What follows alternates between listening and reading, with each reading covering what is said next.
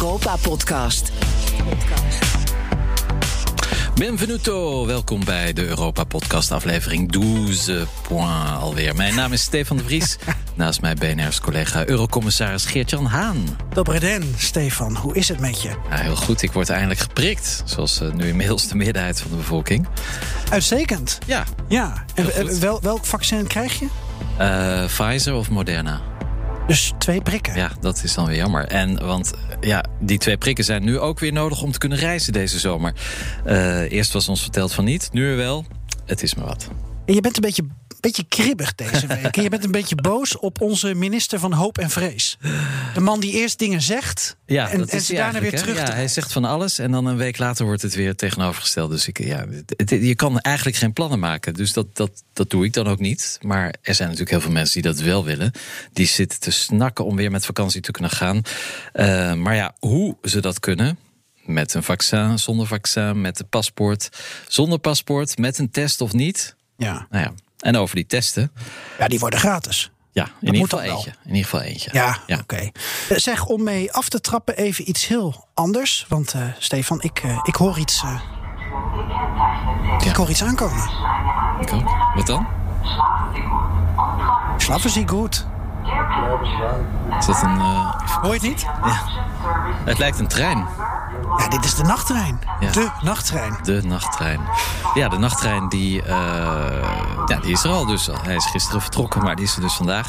Van uh, Wien Hauptbahnhof, ongetwijfeld een van de mooiste stations van Europa, vertrok op maandagavond en op dinsdagochtend kwart voor elf uh, kwam die aan. De nachttrein. Ja, voor het eerst in elf jaar weer dat deze trein rijdt. En voor het eerst in vijf jaar dat Nederland weer is aangesloten op het Europese slaaptreinnetwerk. Ja, het is een beetje in de mode. Hè? We hadden het er een paar afleveringen geleden al over. De nieuwe nachttreinrage. En nu is hij er dan. Ja, in Amsterdam. En wij hopen natuurlijk als liefhebbers op nog vele jaren. Ja, absoluut. Uh, lekker slapen in zo'n boemelende trein. En natuurlijk ook nog eens een leuke manier van reizen. En een nachttrein uit Zurich zit ook in het vat. Willen we dat nog wel naar Zwitserland, na deze week? na, de, na, de, na de Zwixit. Ja, uh, Scheiß die Schweiz. Dat is, ja, dat is jammer hè, dat Zwitserland uh, eigenlijk niet met ons wil. Verder wil, met de Europeanen. Na, na zeven jaar onderhandelen hebben ze bedacht... dat ze toch liever een eiland blijven in de Alpen.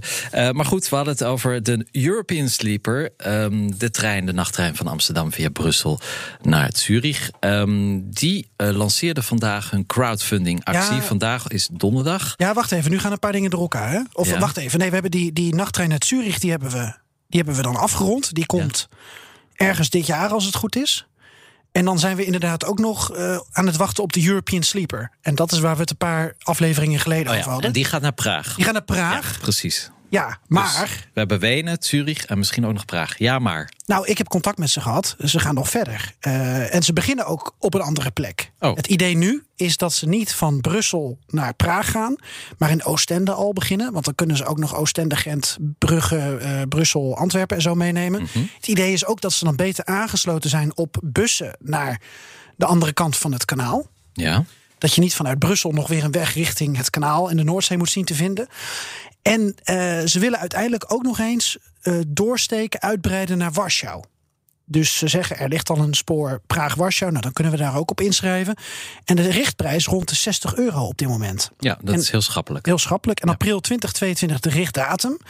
En nu weet jij weer wat anders, want jij bent even gedoken in de aandelen. Want vanaf ja. vandaag is de crowdfunding dus gestart. Ja, uh, de je kunt een stukje nachttrein kopen. Ja, heel leuk. European Sleeper, dus een uh, Nederlands bedrijf dat uh, ja, zich gaat lanceren. Onder andere met crowdfunding. Daar hebben ze 500.000 euro voor nodig.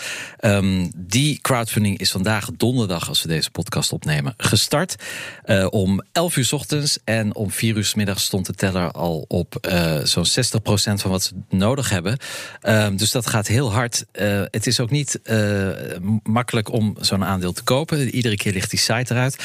Dus dat toont aan dat het echt vreselijk populair is. Uh, ben jij ook aan boord, Geert-Jan? Ik mag van BNR geen aandelen kopen. Oh.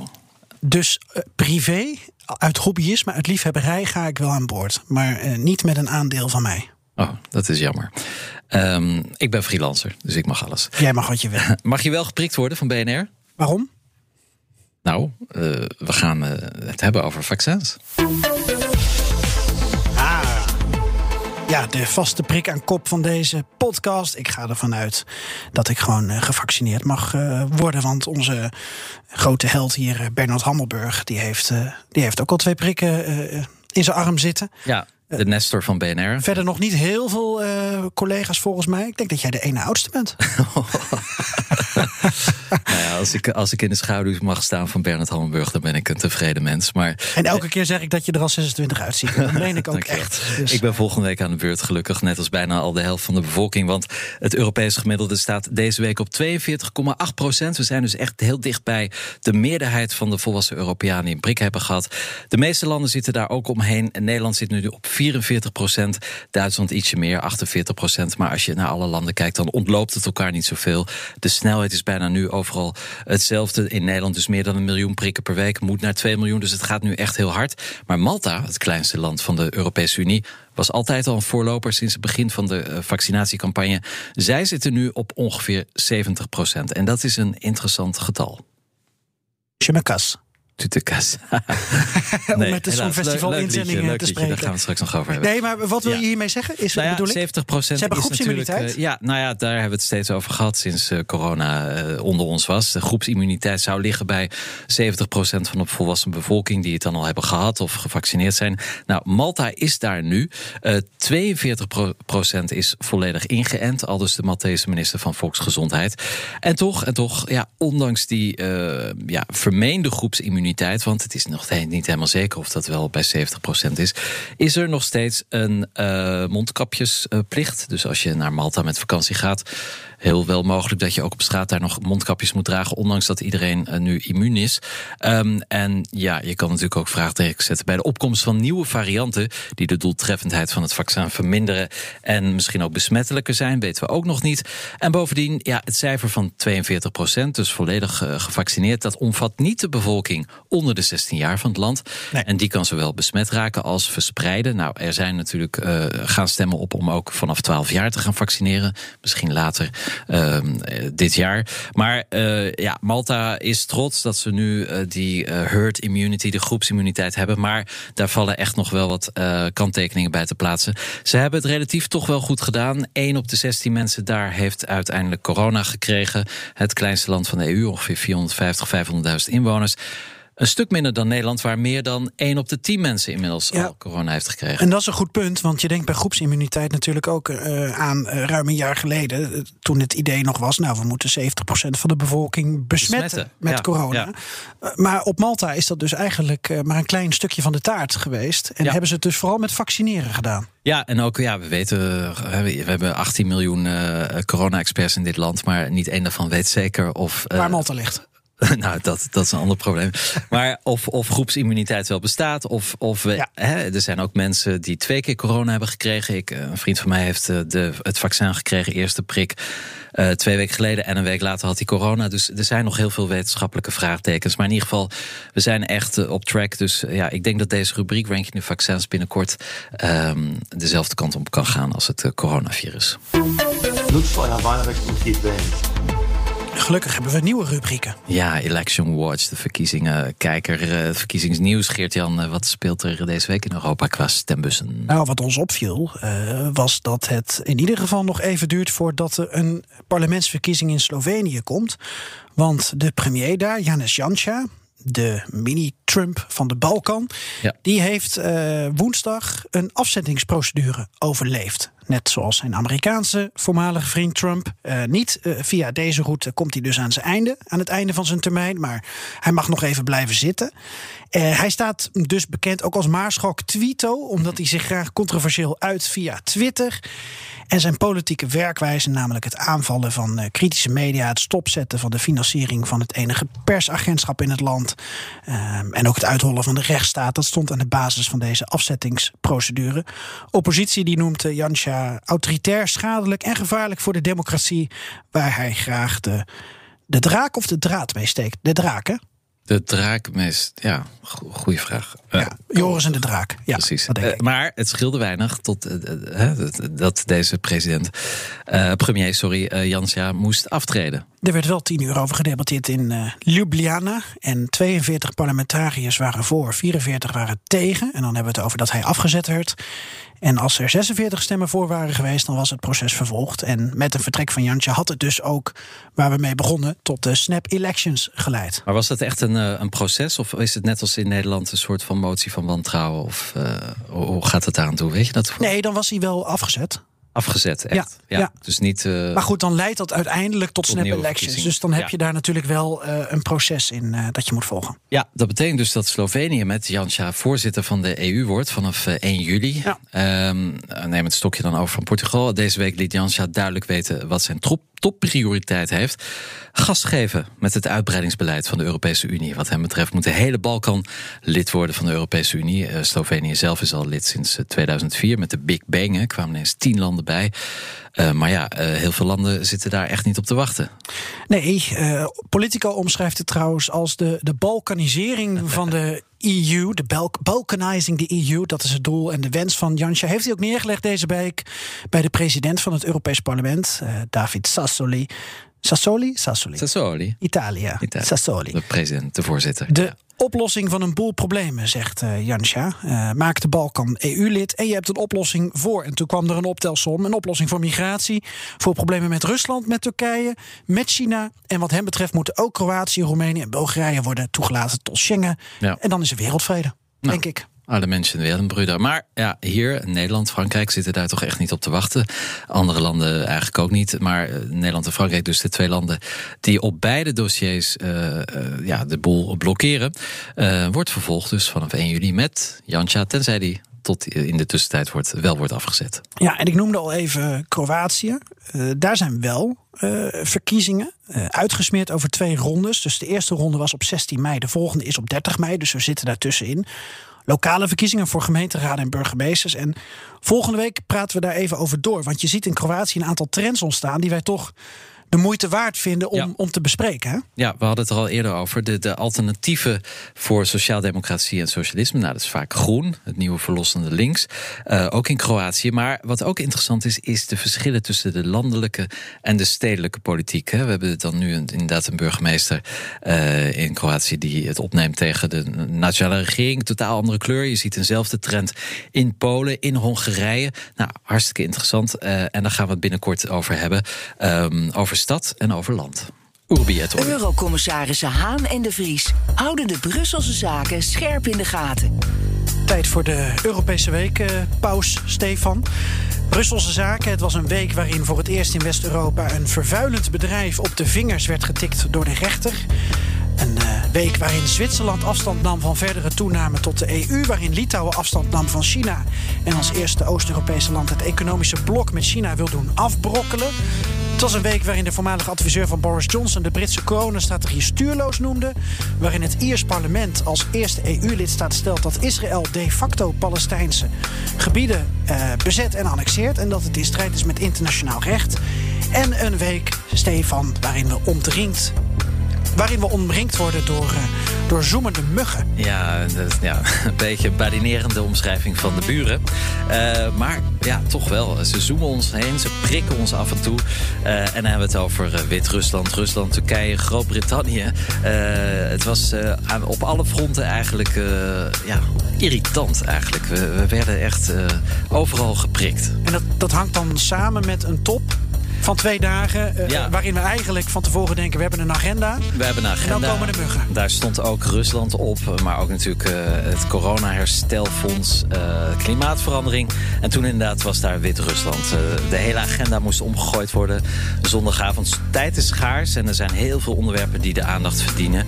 Um, en uiteindelijk werd er zo'n 2,5 uur over Wit-Rusland gesproken. Toeval natuurlijk, toevallig natuurlijk, dat net op dat moment die crisis begon en er een Europese top was voor het eerst in een half jaar weer alle Europese leiders bij elkaar in Brussel. En er werden, uh, ja, er werden uh, spijkers met koppen geslagen. Ja, die top was fysiek omdat uh, Rusland op de agenda stond. Ja. En Michel zei ja, vanwege mogelijke spionagezaken en dat, dat Rusland digitaal meekijkt, willen we graag bijeenkomen. Ja. En toen ging het uh, ja, alsnog over Rusland en alsnog over een, een kwalijke zaak. Zeker. Waarbij ja. nog steeds de vraag is wat nu de, de betrokkenheid van Rusland is. Of met name hoe die bewezen kan worden. Daar zijn ze volgens mij nog steeds niet over uit. Want deze top, waar was die ook alweer? In Brussel, hè? In Brussel, ja, en, ja, ja. en nu zijn ministers van Buitenlandse Zaken in Lissabon. Ja. Om daar dan de sancties te bespreken. Ja, de details eigenlijk. De Dus de leiders die zeggen, ja, we moeten Wit-Rusland hard aanpakken. Dit zijn de mogelijkheden. En dan werken de ministers van Buitenlandse Zaken, althans hun ambtenaren, werken dat dan juridisch en praktisch allemaal uit. En waarschijnlijk zal het iets minder eh, extreem zijn als afgelopen zondag eh, werd eh, gepresenteerd. This is an attack on democracy. This is an attack on freedom of expression. And this is an attack on European sovereignty. Wir sind der Meinung, dass die internationale Zivilluftfahrtorganisation ICAO den Fall untersuchen muss, dringend. It's unprecedented and very aberrant uh, action, like the state terrorism action against the European community. Nou, eh, we denken aan eh, sancties tegen personen, Ja. ook tegen eh, staatsbedrijven. Eh, en daar wordt aan gewerkt. Eh, op dit moment geven we daar geen details over, omdat natuurlijk het effect van sancties moet ook het verrassingseffect zijn. En eh, als mensen een voorwaarschuwing krijgen dat ze op een lijst komen te staan van de EU, eh, als je denkt aan banktegoeden, reismogelijkheden, ja, dan kunnen ze zich voorbereiden. En dat is nou net niet de bedoeling. Maar in ieder geval, eh, ja, daar horen we later deze week meer van. Misschien zelfs vandaag nog wel. Ja, Donderdag. alle, allemaal met, met Ryanair dan naar Lissabon gevlogen. Waarschijnlijk, ja. Want, want hoe werkt dat nou? Je hebt dan dus een agenda, dat schetst je. En tijd is schaars en er zijn honderden dossiers die aandacht verdienen. Maar dan, dan vegen ze toch een paar onderwerpen weg... waardoor ze 2,5 uur tijd hebben voor Wit-Rusland. Ja, of, of ze dikken de andere in. Hè? Want het ging bijvoorbeeld ook over Mali. En dat is dan één regeltje uiteindelijk in de conclusie. Eh, dus daar is dan veel minder over gepraat. En ja, Wit-Rusland was gewoon een, een actuele kwestie. Er moest actie ondernomen worden. En eh, zoals Mark Rutte zei, eh, iedereen had het helemaal gehad met Lukashenko. En daardoor was iedereen behoorlijk eh, eensgezind. Een groot contrast met een week daarvoor, toen er ook ehm, eh, positie genomen moest worden in het conflict tussen Gaza en Israël. Ja, toen kwamen de 27 er niet samen uit. Hongarije ging zijn eigen weg en de andere 26 hebben toen maar zelf verklaringjes gegeven. Maar nu dus wel eensgezindheid over Wit-Rusland. Dat krijgt eh, Lukashenko dan toch maar mooi voor elkaar. Ja, nog één ding hierover. En dan denk ik dat we het ook even over die andere thema's moeten hebben. Want we hoorden dat een eh, vlucht van Air France KLM eh, niet in, Mos in Moskou mocht landen. Ja. Omdat het eh, vluchtplan eh, niet aan de wensen en de eisen van de Russen voldeed. Want als onze luchtvaartmaatschappijen, zo noem ik het maar even, de West-Europese, niet over eh, Belarus willen vliegen, niet door het Wit-Russische luchtruim, dan eh, mogen ze ook niet in Moskou landen, zegt Moskou. En ja, dat is nog een keer gebeurd eh, vlak voor eh, dat je naar deze podcast bent gaan luisteren. Want ook Austrian Airlines meldt dat een vlucht van Wenen naar Moskou om Wit-Rusland heen ging. En dat de Russen nu eh, dat vliegtuig hebben geweigerd. Dus als Rusland er eh, al bij betrokken was, eh, of nog niet officieel, dan maken ze er nu wel een andere zaak van. Ja, en het is echt Ze doen wel hun best om erbij te horen. Ja, het is echt geëtter, hè? want het, ja, zo kan je het wel noemen. Het zijn dus echte muggen. Nou, nou hadden we nog een eh, probleempje met de buren aan de westkant. Eh, de Britten. Ach ja, Ja, eh, die... elke keer denk je het is klaar met die brexit. En toch komen we telkens ja, weer op precies. Maar het grote eh, probleem nu is het Noord-Ierland-protocol. Dat was al helemaal afgehandeld. Maar de Britten denken daar nu anders over. Ehm, de Britten staken zelfs lichtjes een vinger uit deze week richting Brussel. Van denk eens mee, doe, eens, doe eens een beetje flexibel. Ursula von der Leyen beet die vinger er meteen af. Zij zei: De spanningen met het Verenigd Koninkrijk zijn er niet door Noord-Ierland, maar die zijn er door Brexit. Laten we even luisteren wat zij zei. There should be no doubt that there is no alternative to the full and correct implementation of the protocol. And I think it is important to reiterate that the protocol is the only possible solution to ensure peace and stability in Northern Ireland while protecting the integrity of the European Union single market. If we see problems today, we should not forget that they do not come from the protocol, but they result from Brexit. That is the reason why the problems are there. Ja, en toen zei Downing Street een dag later weer teleurgesteld te zijn in het onbegrip van von der Leyen. The lack of recognition of the anger in Northern Ireland. En ook vinden Johnson en de zijnen dat het de taak van de EU is om spanningen te verminderen. En in plaats van dat von der Leyen de brexit de schuld geeft, doet mij een beetje denken aan mijn twee kleine kinderen van zes. eh, nee, hij zei dat het dit. Nee, hij deed dit, zij deed dit. Dat is een beetje het niveau waar we het over hebben. Maar het zijn Wat zeg jij dan tegen je kinderen? En nu is het afgelopen. Oké. dat, dat lijkt me goed. Ja. Eh, De vraag is alleen wie gaat dat doen? Precies. Charles Michel. Bovendien, die kinderen luisteren wel naar me uiteindelijk. Maar of uh, von der Leyen en uh, Downing Street luisteren naar een wijze stem, dat uh, valt nog wel ja. even te bezien. En dan heb je nu ook nog Edwin Poots in Noord-Ierland, waar we het vorige week nog. over hadden, die zijn ja. stempel wil drukken. We hebben ook nog ons eigen beleid naast die zoemende muggen, waar we het in, op deze top deze week in Brussel over hebben gehad. Ja. Even wat punten eruit lichten, want ik zag corona-paspoort, corona-herstelfonds, maar ook trouwens een stemming in onze eigen Senaat, in onze eigen Eerste Kamer, ja. over ja, Europa. Uh, waar wil je mee beginnen? Nou ja, dat coronapaspoort. Ik denk dat heel veel mensen daar toch op zitten te wachten. De leiders waren akkoord afgelopen week. Uh, wij hadden het in vorige uitzending hadden we het over 21 juni als deadline, de zomer. Mooie datum. Dat is stiekem alweer een beetje opgeschoven met oh ja? tien dagen na 1 juli. Dat het certificaat er moet zijn. Het is net als met die prikken van de jongen. Eerst is het 1 juli en dan is het nee, ik heb altijd ja, precies, juli gezegd. Precies, nou ja. 2022. Um, zo gaat het inderdaad ook met dit paspoort. Uh, half juni gaan de EU-grenzen ook open voor een aantal landen buiten de EU met mensen die volledig gevaccineerd zijn. En zo moet de toeristische sector weer op gang uh, komen. Von der Leyen zei ook: als we in dit tempo doorgaan, dan kunnen we onze samenlevingen straks veilig opengooien. Het doel is nog steeds 70% eind juli. Uh, ik heb ook al eerder gehoord uh, of gelezen dat het doel 70% was begin juli. Dus ook daar zie je dat het weer schuift. Maar ja, uh, in ieder geval, we zijn op weg. Maar hoe het er nu uit gaat zien, wanneer het er precies is, dat coronapaspoort. We houden 1 juli aan. Ja. Ik weet het niet zeker. Eén detail. Ik las ja. grote opluchting bij de premier van Luxemburg. Omdat volgens hem met dank aan de QR-code die dan dus met die corona-check, met die app uh, samenhangt, met dat paspoort.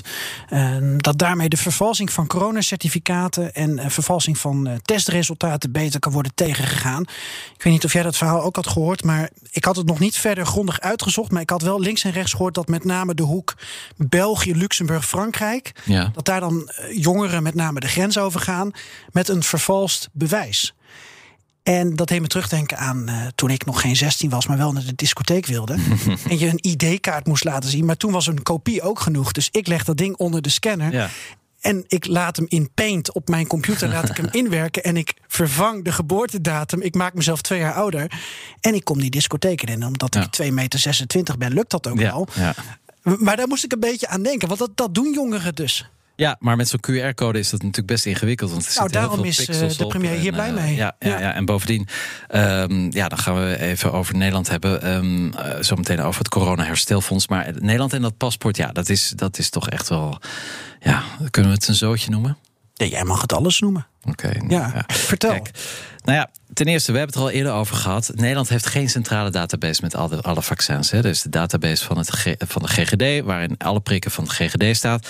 Er is een database van de huisartsen, waarin niet per se iedereen staat die een prik krijgt bij de huisarts.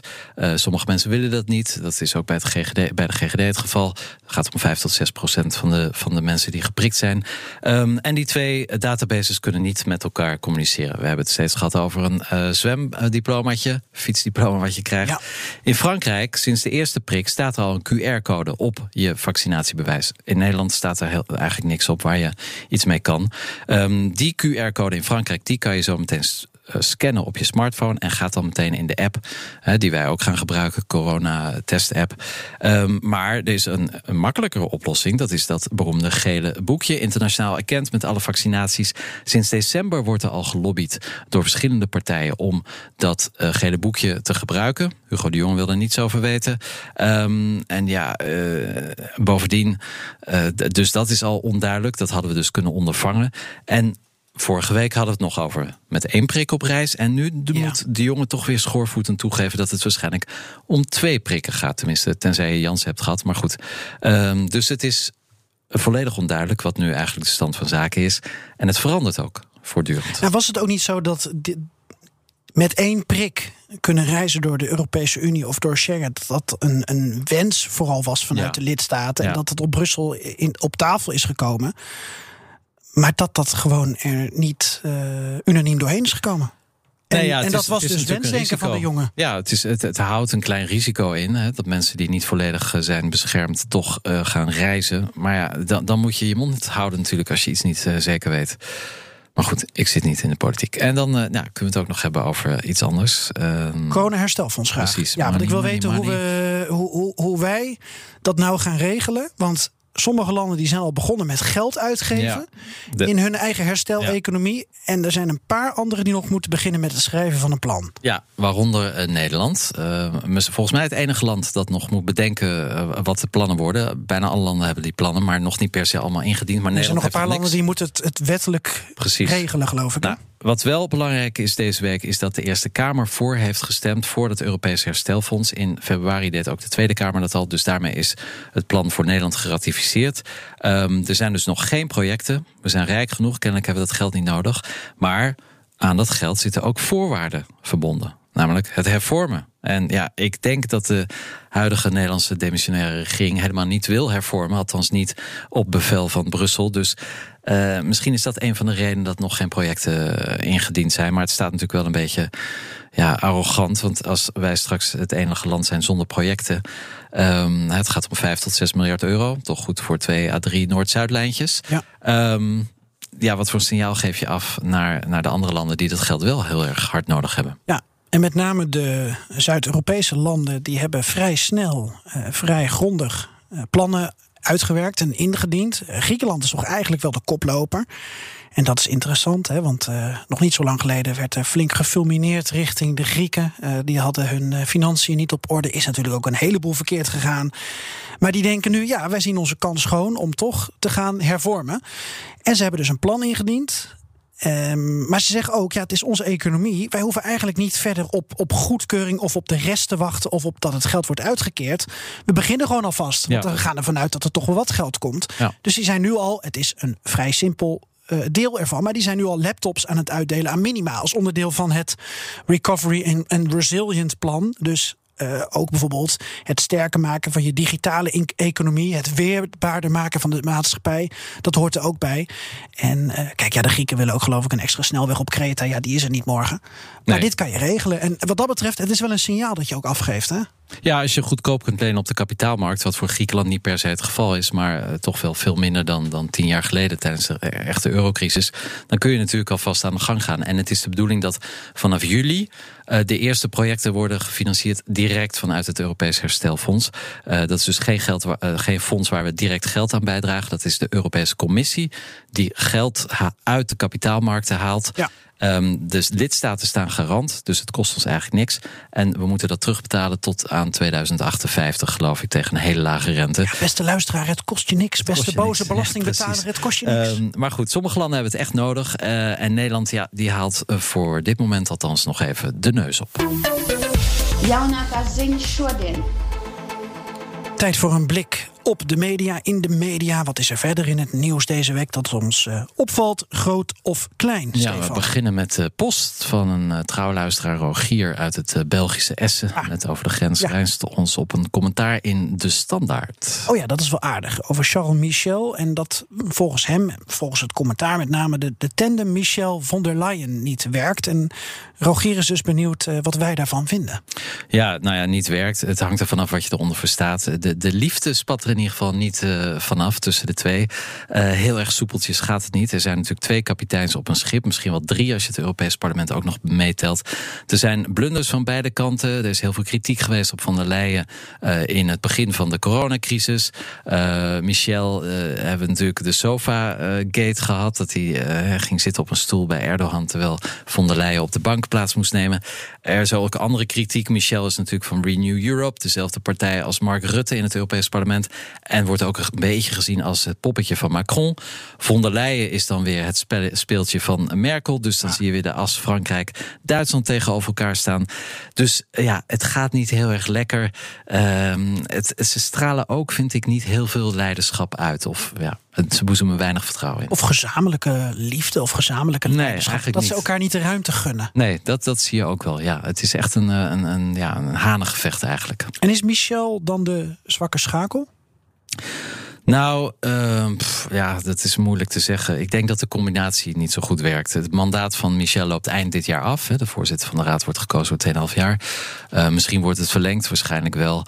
Um, en dan zal hij toch door moeten met uh, Ursula von der Leyen. En het is in het belang van alle Europeanen dat ze, dat ze een beetje een betere manier van omgang met elkaar vinden. Ja. En ja, dan Geert-Jan, je had ook nog iets gelezen over Brussel. Ook niet als eh, instituut. Maar eh, ja, het vastgoednieuws. Is dat vastgoednieuws? Dat is inderdaad eh, goed nieuws. Ligt Ja. eraan aan wie het vraagt. Jij dacht het is vastgoed nieuws en het is inderdaad vastgoed nieuws. Ja, wat een woordgrappen. Dat mogen we van sommige luisteraars niet meer doen. Bij deze al onze excuses voor het ongemak. Ja.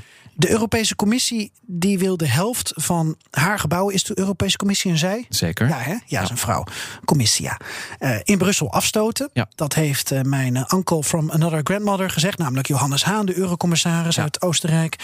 Ehm, op dinsdag deze week gaf hij een uitgebreide persconferentie over thuiswerken. En dat hangt dan samen met werken op kantoor en met de vastgoedportefeuille van Brussel. Ja, dat zie je natuurlijk ook niet, eh, niet alleen in het, in het Brusselse, maar eigenlijk in alle grote eh, ja, steden met veel kantoren. Eh, Maar wil het Brusselse personeel van de Europese instellingen dat ook? Ja, dat wil graag eh, meer thuiswerken of Ja. blijvend thuiswerken. Dus, dus twee tot drie dagen in de week. Dus een beetje 50-50. Dat ziet eh, het merendeel wel eh, zitten. Blijkt uit een rondvraag. Nou, dat is denk ik een beste rondvraag. Want ik weet niet hoeveel mensen er werken. Maar ik denk dat je een flinke enquête aflegt. Als je iedereen die werkzaam is in Brussel ondervraagt. En wat is het idee van de eurocommissaris? Dat je dan van 780.000 vierkante meter naar 580.000 vierkante meter aan vastgoedoppervlakte gaat.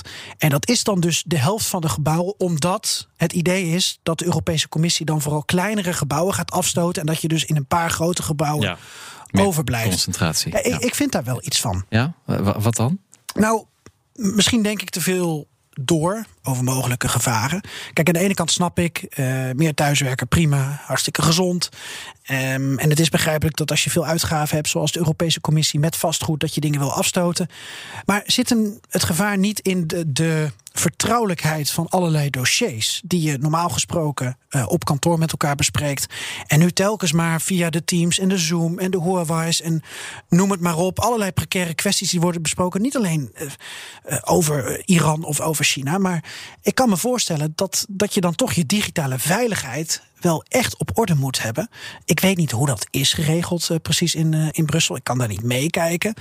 Maar het lijkt me toch dat je daarover moet nadenken. Ja, zeker. Maar ja, het is dan de vraag: als je alles concentreert in een, in, in een paar plekken, dan is het misschien ook makkelijker om af te luisteren. Ik weet niet of dat meespeelt. Het is natuurlijk tegelijkertijd ook onvermijdelijk, hè, want we hebben naast Brussel ook nog gebouwen van de instellingen in Straatsburg en Luxemburg.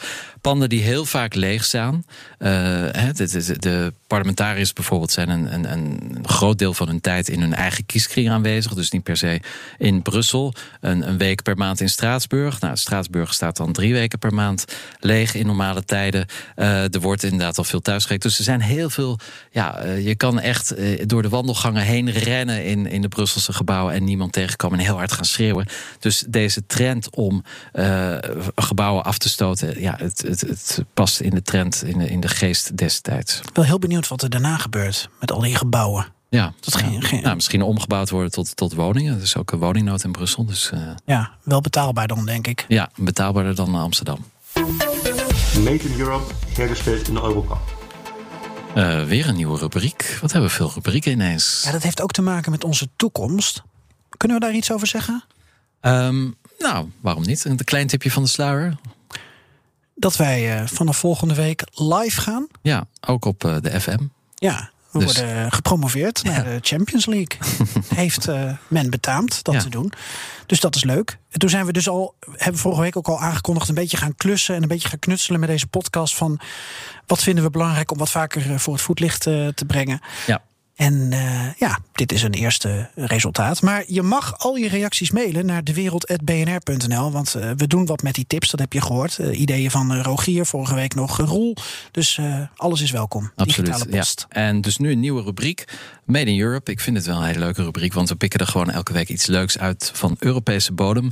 Ehm, hè, we hebben natuurlijk al nummer 1. Die sluiten we af met, eh, altijd af met de Europese muziek. Dat vind ik niet per se altijd leuk, leuke muziek. Nou, dat is een, iets anders, maar de rubriek is leuk, eh, Geert-Jan. Ehm, deze week overigens geen Eurotrash, maar dat horen we straks aan Dat het einde van deze podcast. Ehm, jij hebt wel iets leuks gezien. Made in Europe. Ik heb de eer om uh, de Made in Europe uh, rubriek af te trappen. Ik ben benieuwd met wat voor uh, Europese recept jij volgende week bijvoorbeeld komt, Stefan. Ja, ik, ik begin met een film, of eigenlijk twee films die ik heb gezien... die ook genomineerd zijn voor de Europese Lux Award Prize... waar we het eerder over hadden in aflevering mm -hmm. 10. 9 juni wordt bekend wie hem wint. En ik heb Corpus Christi gezien en Collective, films uit Polen en Roemenië. En hoe waren ze? Heftig. Ja? Ja. Daar moet je even van bijkomen. Moet, niet, moet je niet okay. vlak voor het slapen gaan uh, zien. Maar ik vond ze wel erg goed binnen hun eigen genre. Dus beide films hebben ook fikse verwijzingen naar de actualiteit. Daar houd ik ook al van. Nou, Corpus Christi is van Jan Komassa. Wat mij betreft een van de beste regisseurs van Europa. Jong, getalenteerd, echt heel goed. En op Netflix kun je ook de film Hater van zijn hand zien. Dat is dus als in hater in het Engels, dus H-A-T-E-R. Maar de Polen schrijven dat dan als H-E-J-T-E-R. Dus dat wordt dus hater. letterlijk gemaakt, Een hater. hater, ja. En Corpus Christi, een andere film van hem, uh, werd trouwens ook genomineerd voor een Oscar. En die gaat over een soort Poolse trend onder jongeren om als priester te gaan werken, aan de slag te gaan in kleinere dorpen en gemeenschappen.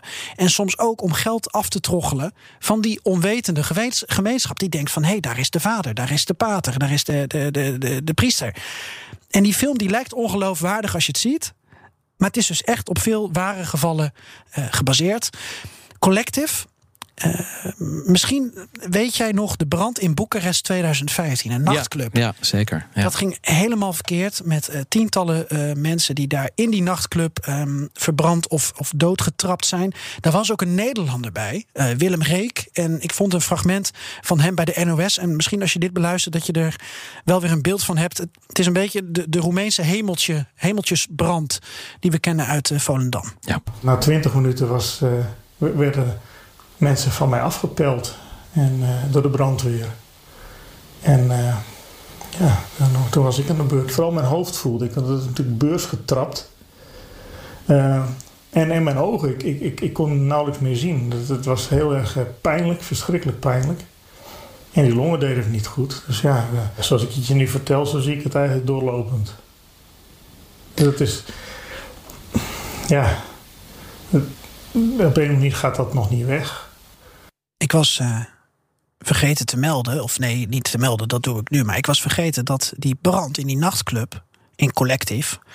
De, de, de mensen stierven niet alleen in die nachtclub, maar ook later in de ziekenhuizen door bacteriën. En daar gaat die docu ook over. Mhm. Hoe het kan dat er zulke slechte ziekenhuizen zijn, uh, zo'n slecht verrot, corrupt ministerie van Volksgezondheid hoe goed onderzoeksjournalistiek kan zijn om zoiets boven tafel te krijgen en een soort van gerechtigheid voor nabestaanden te creëren. Uh, dat de zorg niet goed is in Roemenië, dat wreekt zich ook deze coronacrisis. En het zijn dus, ja, het is dus een heftige docu, heftige film, net als Corpus Christi, maar wel uh, de moeite waard. Ja, en waar kunnen we die zien? Zijn ze nog ergens te zien online? Ja, ik heb ze uh, gezien in de week dat ze beschikbaar waren via Lux Awards. Uh, ja. Dat is uh, .eu. Dat is nu volgens mij niet meer zo. Dus ik weet even niet waar je ze nu kan vinden. Maar volgens mij zijn ze wel in de, in de filmhuizen die je ook um, via allerlei apps op je tv, op computer kan bekijken, zijn ze wel te vinden. Dus Corpus Christi en Collective. Ja, mooie cinematips. Nu maar hopen dat ook de bioscopen in Nederland weer snel open gaan. De nummer 1 in. Ja, in, in ons eigen Eurovisie Songfestival vinden commissaris De Vries en ondergetekende elke week wel een winnaar. Ja, we waren al in heel veel landen: Zweden, Spanje, Griekenland, Frankrijk, Polen. Uh, niet echt natuurlijk, want daar kunnen we nog niet heen, maar wel muzikaal. Althans, muzikaal, daar plaats jij wat vraagtekens uh, bij. Jij niet? Uh, nou, nee, wacht. Al deze nummers die staan ook uh, in Spotify op een playlist BNR Muziek, uh, Podcast Europa, nummer 1, zoiets. Nou, kan je volgen. Um, zal het in de show notes ja. Heel goed, maar we waren ook helaas niet in Rotterdam. Maar ja, ik heb wel gekeken. Jij ook, Geert-Jan? Ik heb gekeken. Ja. En, en... ik viel bijna van mijn stoel omdat het zo waar best wel aardig was. Ja, nou, ik vond het zelfs meer dan aardig. Ik geef het gewoon toe. Ik vond het hartstikke, hartstikke cool.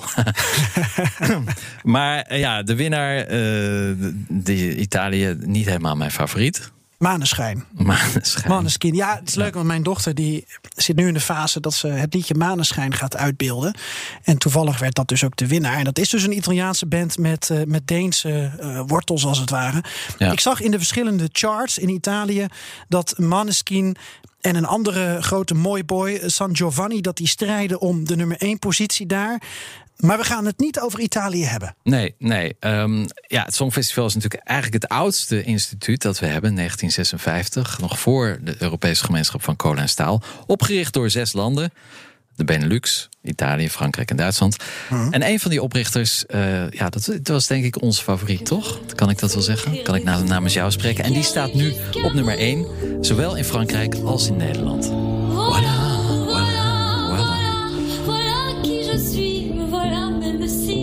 Soort uh, herreizenis van uh, Edith Piaf. Hè? Een klassiek Franse chanson. Uh, en dat doet het kennelijk heel goed in Nederland. Want ja, zij kreeg 12 punten, 12 points van het, van het volk en van de jury in Nederland.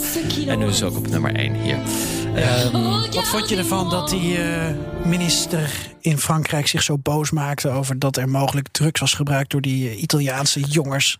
Ja, een beetje slecht verliezer. Maar die minister maakte zich niet in Frankrijk druk. Hij was in Nederland en ik sprak hem even daarvoor. hij was in Rotterdam. Was, was nou minister of een staatssecretaris? Het, ja, staatssecretaris. Maar als staatssecretaris in het buitenland zijn, dan mogen ze zichzelf minister noemen. Ah. Dus de staatssecretaris van Europese Zaken, die wij niet eens hebben in Nederland, Clement Boon, die was in Nederland voor wat bilaterale besprekingen, onder andere met Stef Blok, uh, met Alexander van Huffelen, de staatssecretaris voor Financiën. Hij bezocht uh, de Rotterdamse haven, druk programma om de, ja, de banden tussen Frankrijk en Nederland aan te halen.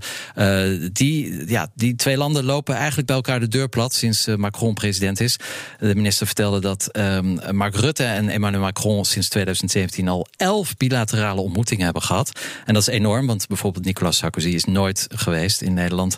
En Jacques Chirac ook maar één keer. Dus, um, maar goed, hij was daar op werkbezoek. En natuurlijk, ja, het kwam dan wel heel mooi uit dat hij s'avonds ook bij het Eurovisie Songfestival kon zijn.